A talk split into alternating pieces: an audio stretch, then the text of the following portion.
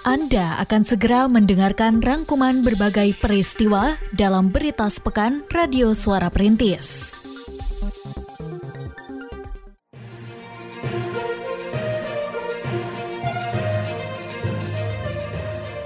Berita sepekan Radio Suara Perintis FM Kota Sukabumi.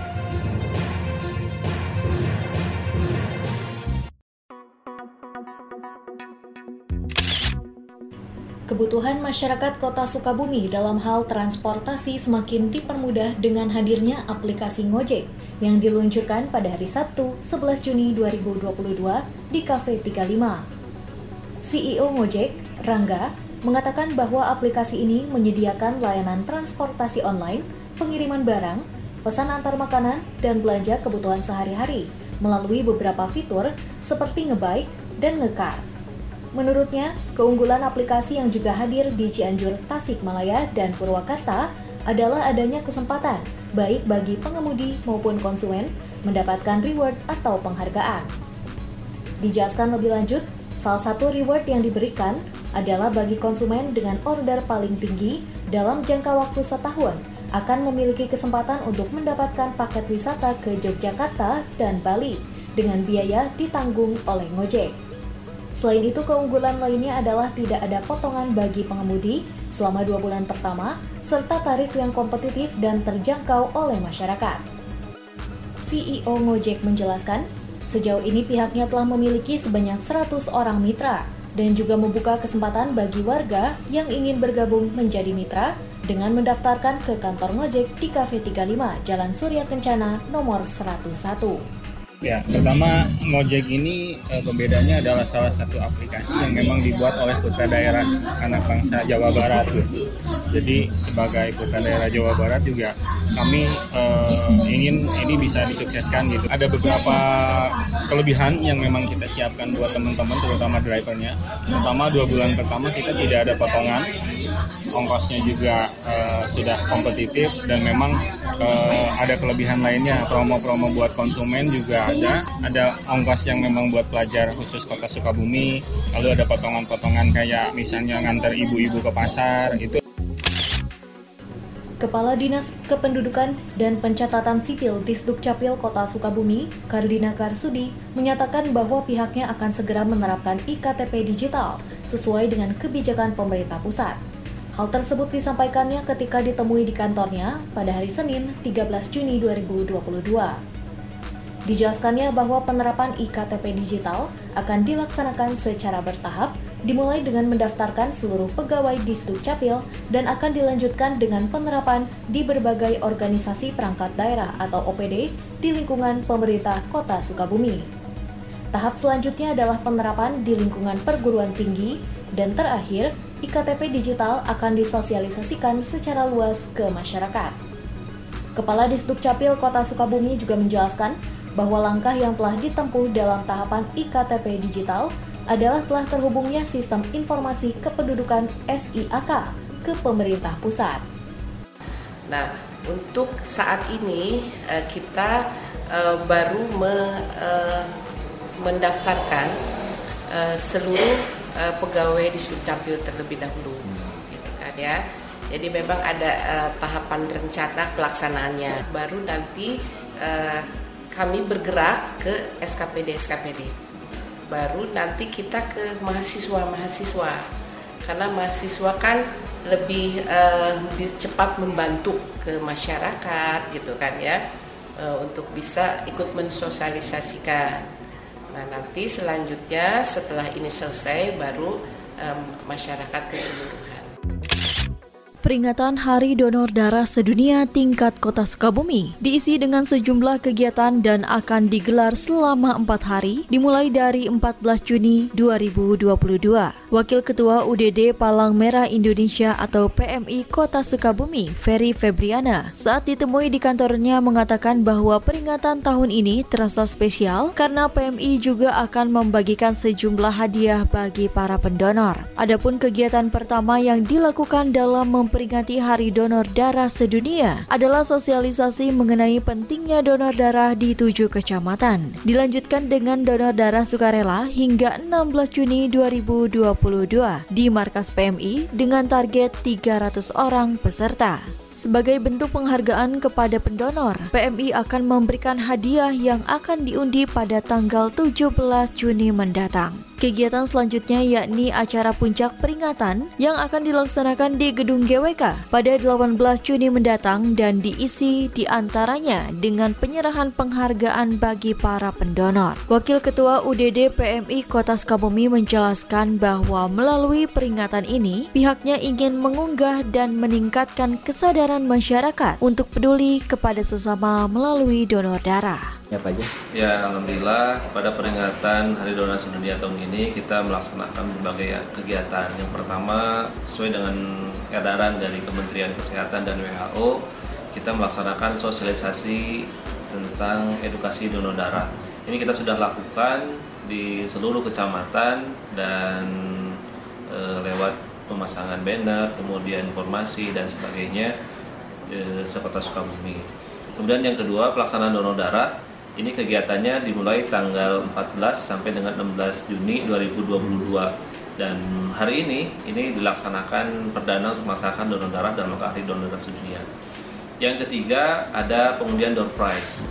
Jadi para pendonor kita eh, ke semua pendonor yang melaksanakan donor darah pada tanggal 14 sampai 16 itu ada door prize. Salah satunya adalah undian eh, utama yaitu sepeda listrik dan itu akan diundi pada tanggal 17 atau hari Jumat jam 9 sampai jam 10. Nah. Dan yang terakhir adalah upacara puncak yaitu kita melaksanakan di GWK itu memberikan penghargaan kepada para pendonor secara simbolis untuk donor darah yang 10 kali dan para pendonor yang ke 25 kali.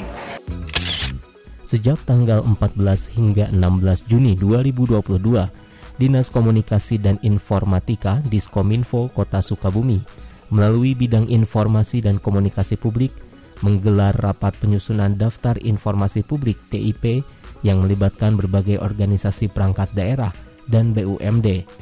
Kepala Bidang Informasi Komunikasi Publik Diskominfo Kota Sukabumi Tantan Sontani menerangkan bahwa DIP diperbaharui setiap tahun sesuai dengan aturan yang telah ditetapkan Selain itu, sifat informasi yang dinamis menjadi alasan lainnya penyusunan DIP dilakukan kembali pada tahun ini. Daftar ini memuat beberapa kategori informasi, yakni informasi yang harus tersedia setiap saat, berkala serta-merta termasuk informasi yang dikecualikan. DIP berhak diketahui oleh masyarakat dan bisa diakses melalui ppid.sukabumikota.go.id semua SKPD atau istilahnya kalau di KIP itu badan publik namanya uh, itu punya informasi. Dan informasi itu tidak statis. Tahun sekarang dia mungkin misalnya punya 10 informasi yang harus dipublish 5 informasi yang harus dirahasiakan. Tahun depan belum tentu ada 10 mungkin bisa nambah jadi 20 mungkin bisa berkurang karena kewenangannya dia berubah berkurang sudah ditarik pusat misalnya tuh. Dan yang dikecualikan bisa bertambah juga atau berkurang juga. Makanya tiap tahun daftar investasi itu harus di update Wali Kota Ahmad Fahmi seusai membuka kompetisi futsal pada 14 Juni 2022 di Gor Surya Kencana. Memberikan tanggapannya mengenai video yang viral di media sosial beberapa waktu lalu memperlihatkan sekelompok remaja yang menari dengan gerakan tidak pantas di lapang merdeka. Ia menyesalkan hal tersebut terjadi karena tidak sesuai dengan nilai agama dan kebudayaan.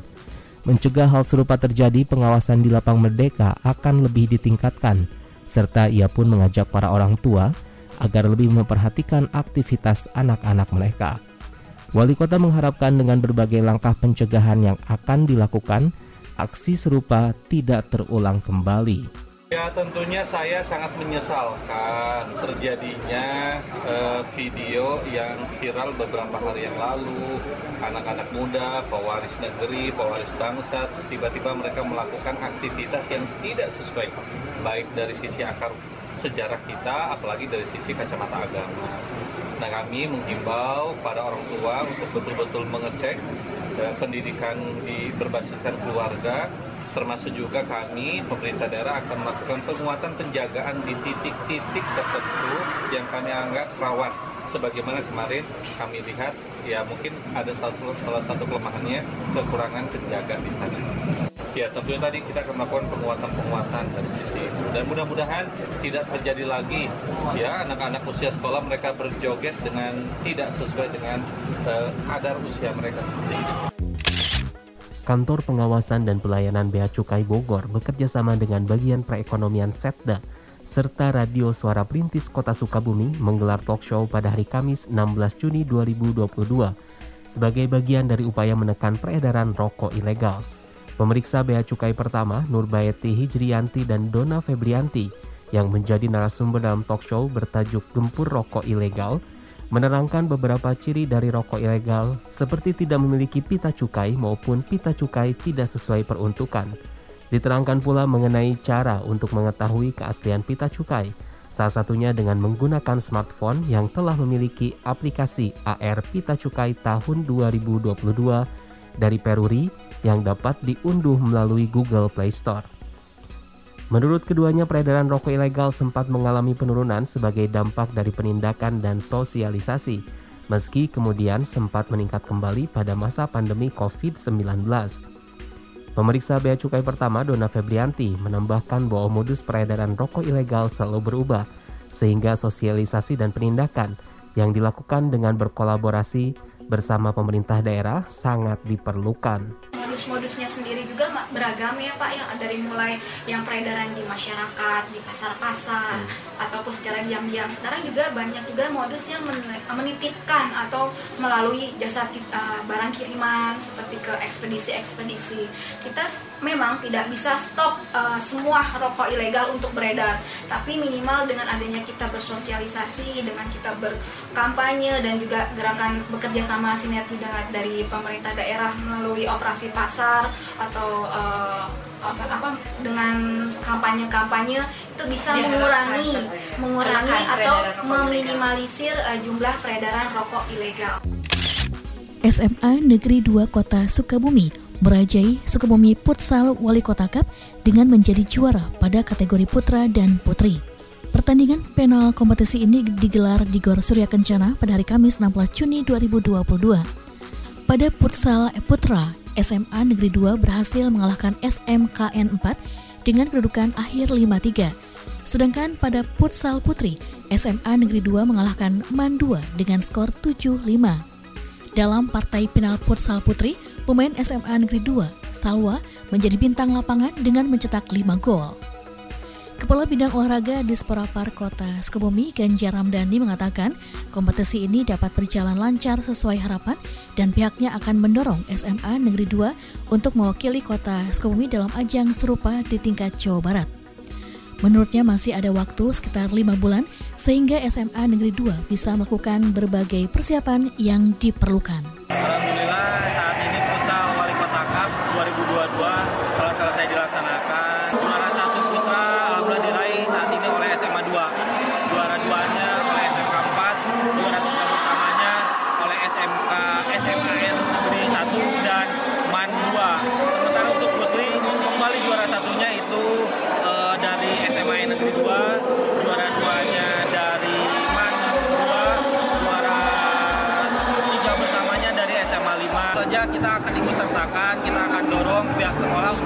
Untuk ikut serta di Piala Futsal Jawa Barat tingkat Jawa Barat.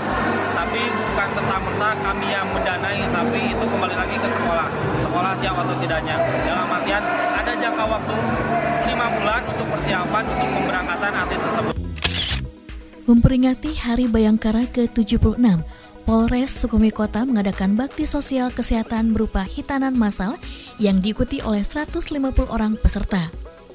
Kegiatan ini diadakan di Gedung Juang dan dihadiri oleh Wali Kota Ahmad Fahmi, Ketua DPRD Kamal Swerman, dan undangan lainnya. Wali Kota Sukabumi mengatakan ia mengapresiasi kegiatan ini yang terselenggara berkat kolaborasi Polres dengan pemerintah daerah. Diharapkannya kegiatan ini membawa banyak manfaat bagi warga.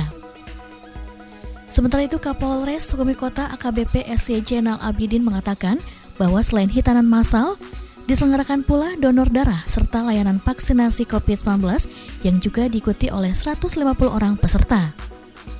Ia mengharapkan kegiatan ini mampu membantu masyarakat, terutama dari kalangan kurang mampu. Terlebih semua layanan kesehatan diberikan secara gratis untuk masyarakat Sukabumi. Dalam rangkaian kegiatan peringatan Hari Ulang Tahun Bayangkara yang ke-76, kami dari Polres Sukabumi Kota hari ini melaksanakan kegiatan bakti kesehatan bagi masyarakat kota maupun Kabupaten Sukabumi. Kegiatan ini kemudian kami lakukan untuk kemudian kami fokusnya pada tiga hal. Yang pertama kegiatan vaksinasi, kedua pemeriksaan kesehatan gratis, dan yang ketiga adalah sunatan massal. Kegiatan ini mendapatkan antusias dari masyarakat, dapat kita lihat baik itu pemeriksaan kesehatan yang kita siapkan secara gratis, kemudian vaksinasi termasuk juga sunatan massal dihadiri cukup ramai ya, masyarakat yang ikut akan mengikuti kegiatan ini. Ini merupakan bagian dari bakti kami terhadap masyarakat dan sebagai salah satu sarana komunikasi terhadap masyarakat. Karena bagaimanapun juga keberadaan Polri saat ini dengan berbagai keberhasilannya itu bisa tercapai dengan dukungan dari seluruh komponen masyarakat yang ada. Kepala Kantor Regional 3 Badan Kepegawaian Negara BKN, Tauhid Jatmiko, di sela-sela kegiatan peringatan Hari Ulang Tahun BKN ke-74 yang diadakan di Kota Sukabumi pada hari Jumat 17 Juni 2022, memberikan komentarnya terkait isu penghapusan tenaga honorer. Menurutnya hal ini didasari keinginan untuk membenahi sistem kepegawaian pada pemerintah karena berdasarkan Undang-Undang Nomor 5 Tahun 2014 hanya ada dua kategori ASN, yaitu PNS dan pegawai pemerintah dengan perjanjian kerja atau P3K. Pegawai di luar kategori tadi harus dipekerjakan berdasarkan Undang-Undang Ketenaga Kerjaan dan digaji sesuai dengan upah minimum regional atau UMR. Jadi kalau dia tidak PNS tidak P3K, dia harus tunduk pada Undang-Undang Ketenagakerjaan.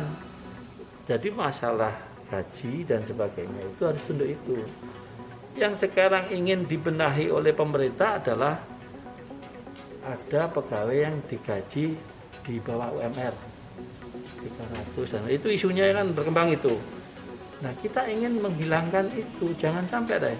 Dia harus dimasukkan di dua lingkungan tadi lingkungan Undang-Undang 5 2014 atau Undang-Undang Aparatur Sipil Negara atau lingkungan Undang-Undang Ketenagakerjaan sehingga upahnya juga terjamin. Sementara Wali Kota Ahmad Fahmi mengatakan bahwa terkait isu ini, pemerintah daerah akan mengikuti kebijakan pemerintah pusat, meskipun saat bersamaan melalui Asosiasi Pemerintah Kota Seluruh Indonesia APEXI telah disampaikan beberapa rekomendasi agar didapatkan solusi yang tepat. Ia pun mengakui bahwa kehadiran pegawai honorer mampu membantu percepatan program pembangunan di kota Sukabumi. Kami pemerintah kota melalui APEXI ya telah menyampaikan rekomendasi-rekomendasi terkait hal tersebut. Jadi eh, pemerintah pusat juga kan tetap membuka ruang komunikasi, tetap membuka ruang eh, diskusi dengan pemerintah baik kota maupun kabupaten. Iya, artinya akan dikemanakan tenaga honor yang sekarang ini ada. Ya. Eh, kanalnya atau salurannya akan kita buat saluran seperti apa. Kan jangan sampai kita membendung sungai sekedar dibendung, tidak disiapkan saluran atau kanal-kanalnya. Jadi kanal inilah yang kita harapkan juga ada eh, ada nanti ada masukan dari pemerintah pusat kanalnya harus ke mana, salurannya harus ke mana. Demikian berita sepekan Radio Suara Perintis edisi kali ini. Dengarkan program berita kami, berita seputar kota yang disiarkan dari Senin malam hingga Minggu pagi pukul 18.30 dan 06.30 waktu Indonesia Barat.